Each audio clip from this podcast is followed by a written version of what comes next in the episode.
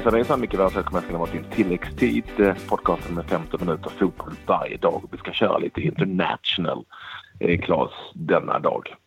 Ja, det måste vi göra nu när det är eh, VM-kval som är i full gång och eh, framförallt så har det varit mycket matcher som involverar lagen eh, på Storbritannien. Både England, Skottland och Nordirland har varit i farten och det har varit en del eh, intressanta resultat minst sagt. Ja, det har det definitivt varit. England kvalificerade sig till världsmästerskapet genom att besegra på tilläggstid faktiskt ehm, Slovenien med 1-0 på Wembley. En ganska såsig tillställning. Harry Kane, såklart, surprise, surprise, var det som gjorde Englands enda mål eh, i en match som var eh, ja, men ganska seg, det får man ändå säga Eh, i en grupp som vi kan återkomma till. Eh, och eh, när vi ändå pratar om Skottland, gjorde vi va? Det nämndes som hastigast så vann de sin match också.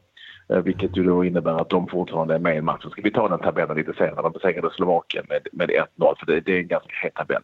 Men det händer ju saker eh, i Belfast också, Nordirland där Tyskland eh, fortsätter att visa att de är fantastiska och besegrade Nordirland med eh, vad blev det, 3-1 till slut, 3-1 va? ja. ja. Och eh, då har vi valt att eh, ringa upp eh, vår kille på de brittiska öarna. Det är Andy Dillon eh, som var på plats i Belfast. Eh, Andy, eh, welcome and thank you for taking your time. Thank you for having me on. Uh, well, first of all, you've been uh, watching Northern Ireland against Germany. Uh, Germany won. Mm. Uh, how was the game? Uh, I'm not sure if you could describe it as a game because it was just Germany kicking a ball about for 90 minutes um, as if they were in training. It actually at one point reminded me of that, uh, I don't know if you have it over there, but uh, walking football that they have for old people over in England now because it was uh, Germany was so in control. They took the lead after 80 seconds with an amazing goal. Uh, from Sebastian Rudy, his first one for Germany, and Yeah. th- there was just no way back for Northern Ireland after that. It's just um, they're just they're just you know this is supposedly a Germany team hit by injuries with some of the big stars missing, but still I think five players from Bayern Munich, one from Paris Saint Germain, one from Real Madrid, one from Barcelona, and, and facing them is the reserve goalkeeper of Norwich City. Um, so I think that tells you everything about the game. But they, they, they, they did get one back, and the atmosphere is just it's brilliant in Belfast, no matter what, because they they don't they don't get ideas above what they know they can achieve, uh, and any, anything is an adventure. And they don't set themselves, they don't take themselves too seriously, and they can relax and they can enjoy their football. Um, and I just have to say that everything I've seen tonight um, probably is the exact opposite to what uh, happens in England when England play a football match. Yeah, oh, I saw that one, uh, Wembley. Um, it, it was like I don't know, watching a um, preseason game of um, uh, of uh, I don't know basketball somewhere, uh, whatever. Well, I probably mean, like your um, your your one man stand up comedy show that you did. I said, man, it's probably like that, wasn't it, Patrick? What do you mean? I think you know what I mean. I, I was, for, for sure, for sure, for sure, the, the the the total crowd was pretty much the same. That's for, that's for sure, yes. But otherwise, uh, otherwise, no, no. I, now it seems like it, it seemed like the, it, it was a, it is at the England England games probably very very England home games. That is, it's, it's a very American atmosphere, so to say. Yeah, yeah, yeah. There is, um, you know, all my colleagues who go there to cover the matches, they don't look forward to going there because it's just, you know, it's what we would call vacuous. You know, it's like being on the moon. Um, and the football reflects that. And this is not, this is the result of, A, it's the Premier League sucking the life out of the England team and robbing them of, um, you know, some great players. It's the Premier League being much more important to the players than playing for their country. Um, it's a result of years of uh, England and the Football Association taking themselves far too seriously um, and still doing so when the rest of the country knows the limits and know, you know, I don't suppose anybody, not many people are really excited that we've qualified for um, for the World Cup tonight. Nobody's going to be having street parties and thinking we've got any any way, shape of a chance of actually doing anything serious over there. It's going to be yet another letdown, um, and it's going to take you know, some fundamental changes to to turn around that attitude. And uh, Gareth Southgate should make the most of this moment in time that they've qualified, uh, which, by the way, is just the bare minimum. But he should make the most of this because it's just going to be, you know, when they actually get there, uh, everybody is expecting it to be a complete um, a complete letdown. So live off this minor euphoria and this celebration of qualifying tonight because I, I think it's only downhill from here. Maybe one person who's been dancing tonight, and that's been Gareth Southgate. He's got a bonus of two hundred and fifty thousand pounds for qualifying. And I know it's been a, a lot of talk about that in England today, because uh, I think it was at the Times who, who came up with that news. What's your take on all that? I mean, 250,000, I think he's got Again, a... yeah.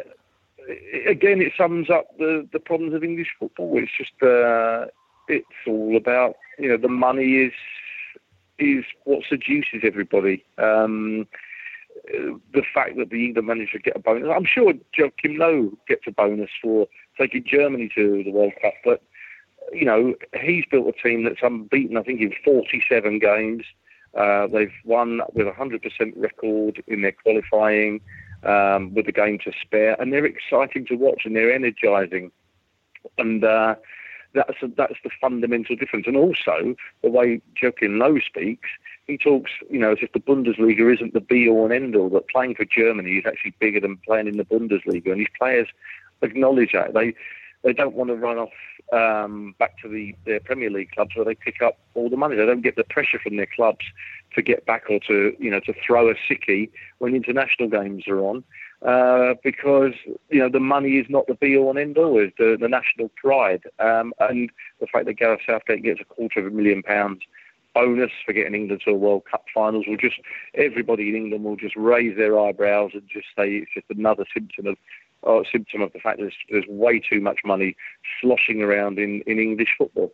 No, but but in general, what what does people think about this? Because the England team is is something special. It's, it's been something special for, for, for many years, and now people yeah. doesn't really seem yeah. to care, as you say.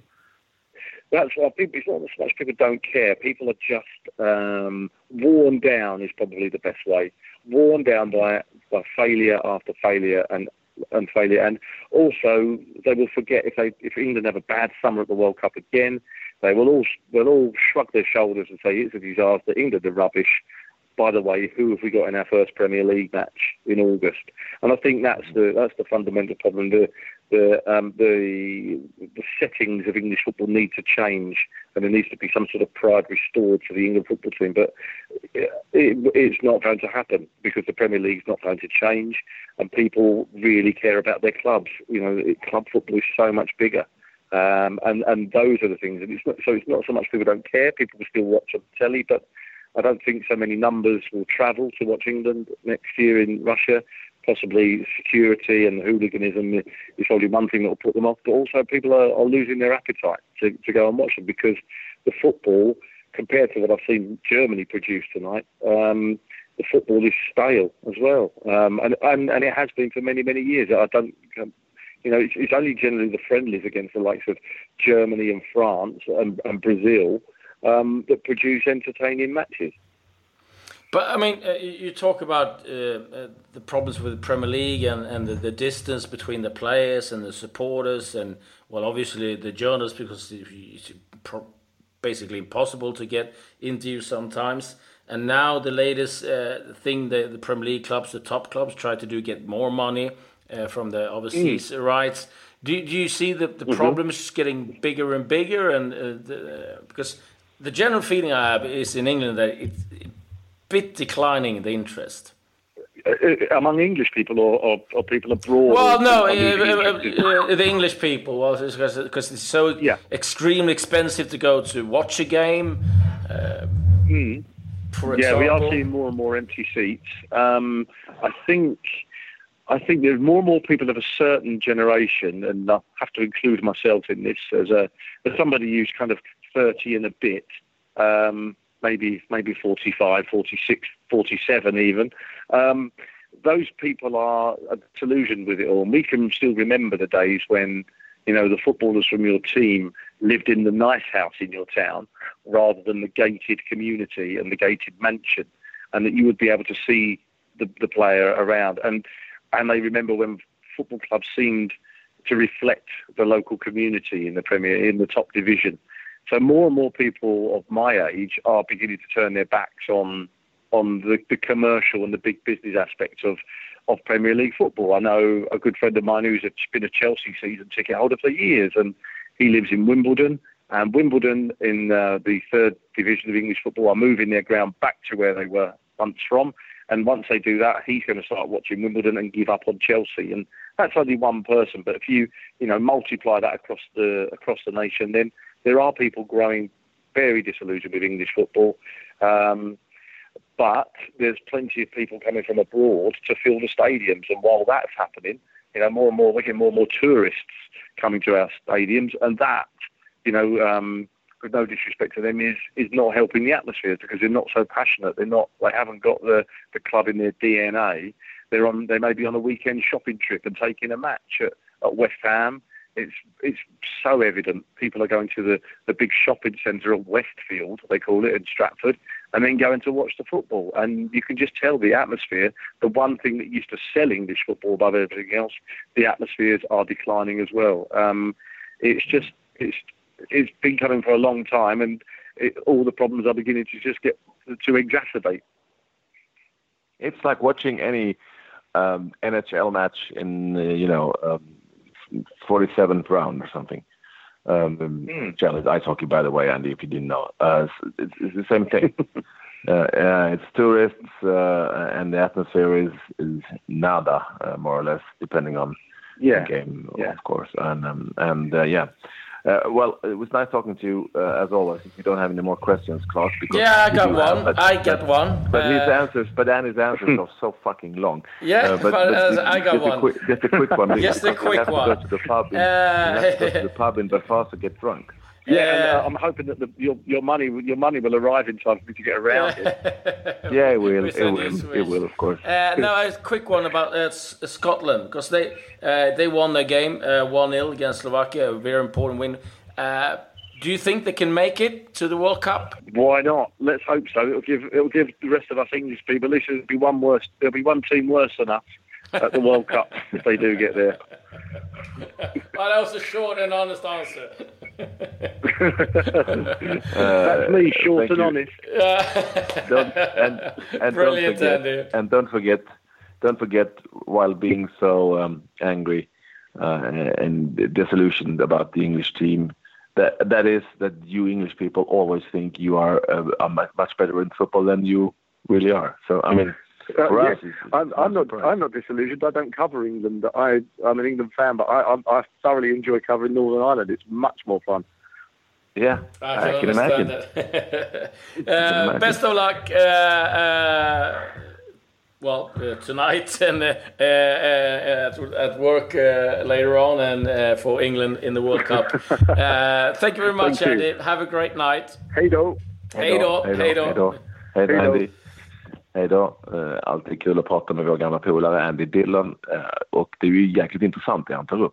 Det får man ändå säga. Det, det var nästan en chock för mig att se eh, Sverige-England på Wembley för några år sedan.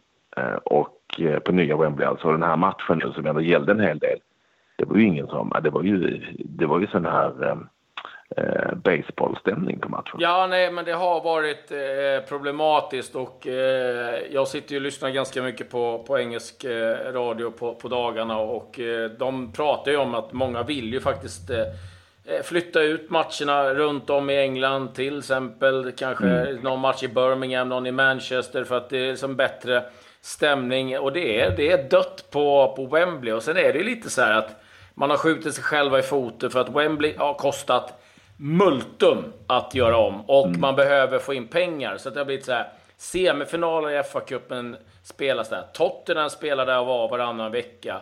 Eh, eh, det, liksom, det är för mycket matcher på Wembley. Hela den här auran kring att få åka till Wembley ja, och spela, den, den, är liksom. borta. Den är borta. Nu känns det som att, mm. ja, ja, men det är Champions League-fotboll, det är ligafotboll.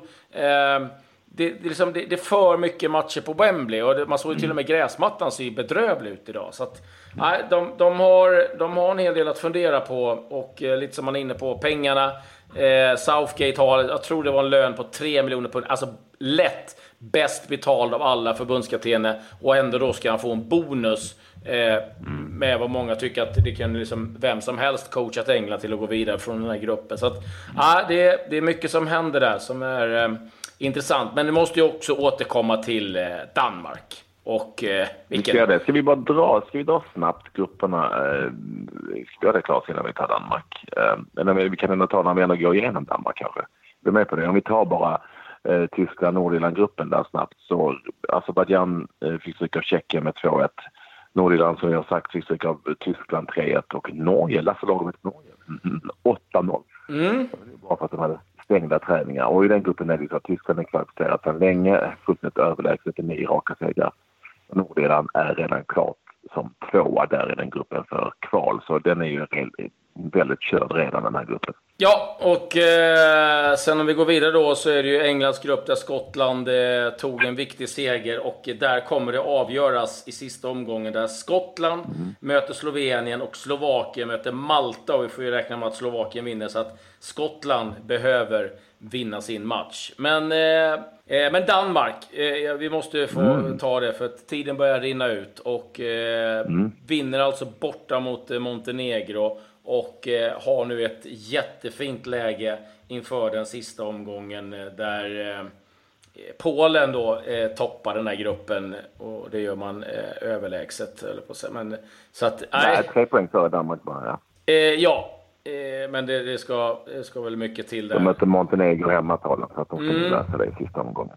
Danmark möter Rumänien. Rumänien är redan borta så Danmark ska nog hålla undan för Montenegro även om Montenegro skulle skrälla mot polackerna så tror jag Danmark håller undan eh, och blir då alltså två och går till ett playoff. De ska säga att de gjorde en, eh, Åge Hareide hyllas i Danmark för att de gjorde en riktig grismatch. Danskarna åkte dit och vann med 1-0 målet av Eriksen. Eh, så att de kan sånt också de här danskarna.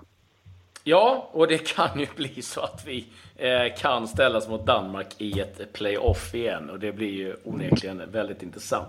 Så det vi kan någonstans summera gårdagen med det att England och Tyskland är klara för VM i Ryssland.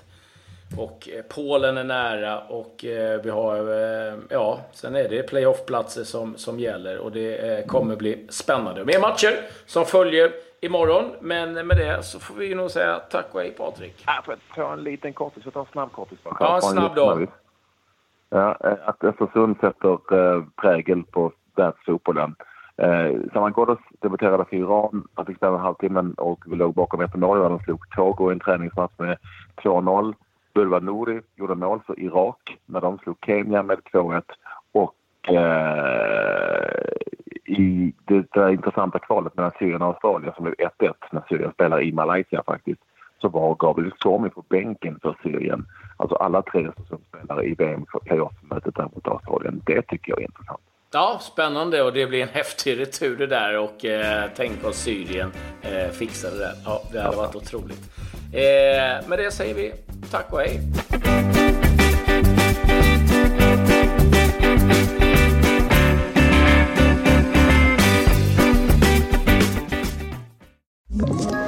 Ett poddtips från Podplay. I fallen jag aldrig glömmer djupdyker Hasse Aro i arbetet bakom några av Sveriges mest uppseendeväckande brottsutredningar. Går vi in med hemlig telefonavlyssning och, och då upplever vi att vi får en total förändring av hans beteende. Vad är det som händer nu? Vem är det som läcker? Och så säger han att jag är kriminell, jag har varit kriminell i hela mitt liv men att mörda ett barn, där går min gräns. Nya säsongen av Fallen jag aldrig glömmer på Podplay.